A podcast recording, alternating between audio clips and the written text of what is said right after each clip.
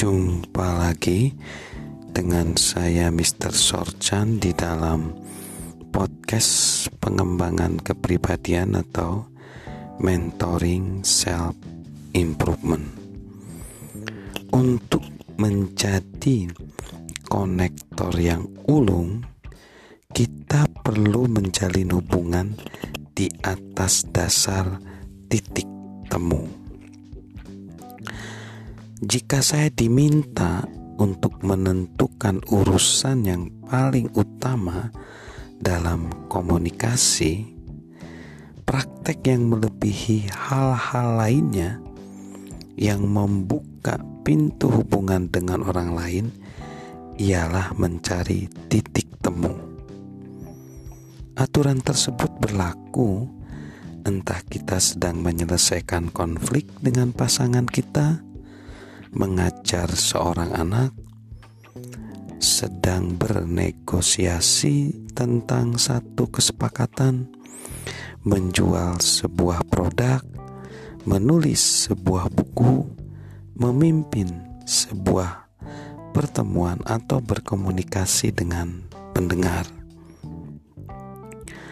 Saya telah menjelaskan bagaimana bahwa pada beberapa tahun dari awal karir saya, saya lebih berfokus kepada diri sendiri, dan hanya ketika saya mulai menyadari bahwa hal menjalin hubungan sepenuhnya adalah tentang orang lain, barulah saya bisa berkembang.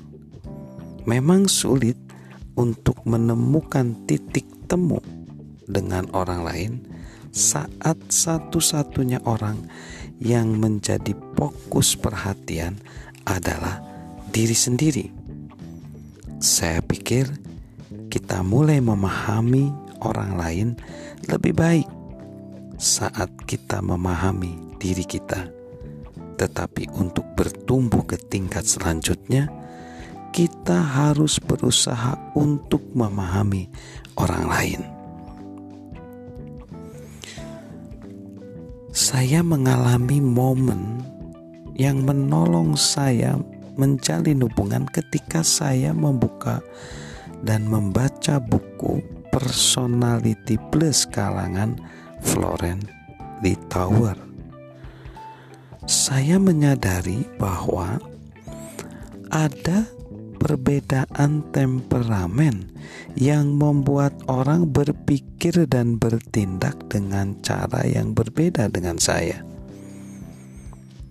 Itu menjadi pembuka mata untuk saya.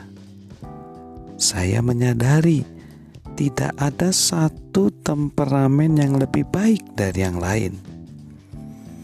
Jujur saja, bertahun-tahun saya berpikir temperamen saya lebih baik dari orang lain.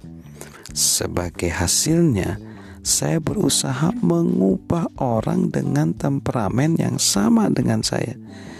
Itu sangat konyol. Itu seperti seorang mat, seorang wanita yang kecewa dengan hasil bedah dari mata suaminya.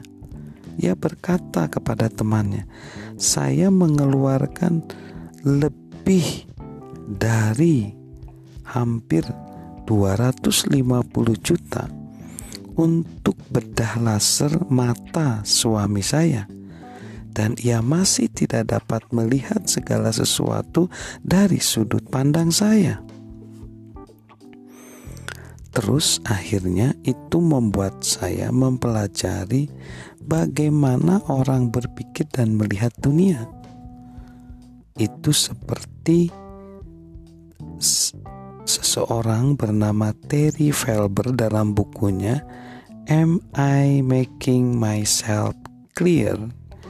Ia berkata bahwa orang-orang memiliki sistem representasional yang berbeda-beda berdasarkan kelima indera mereka yang mendasari pikiran, perasaan mereka.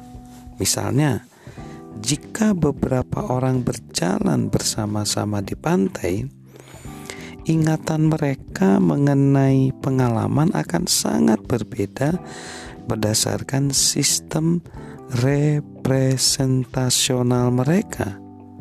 Seorang mungkin mengingat rasa terik matahari di kulitnya dan pasir di kakinya. Yang lain mungkin mengingat gambaran air dan warna cahaya matahari yang cerah. Yang lainnya mungkin menggambarkan gemuruh ombak dan suara kicau burung.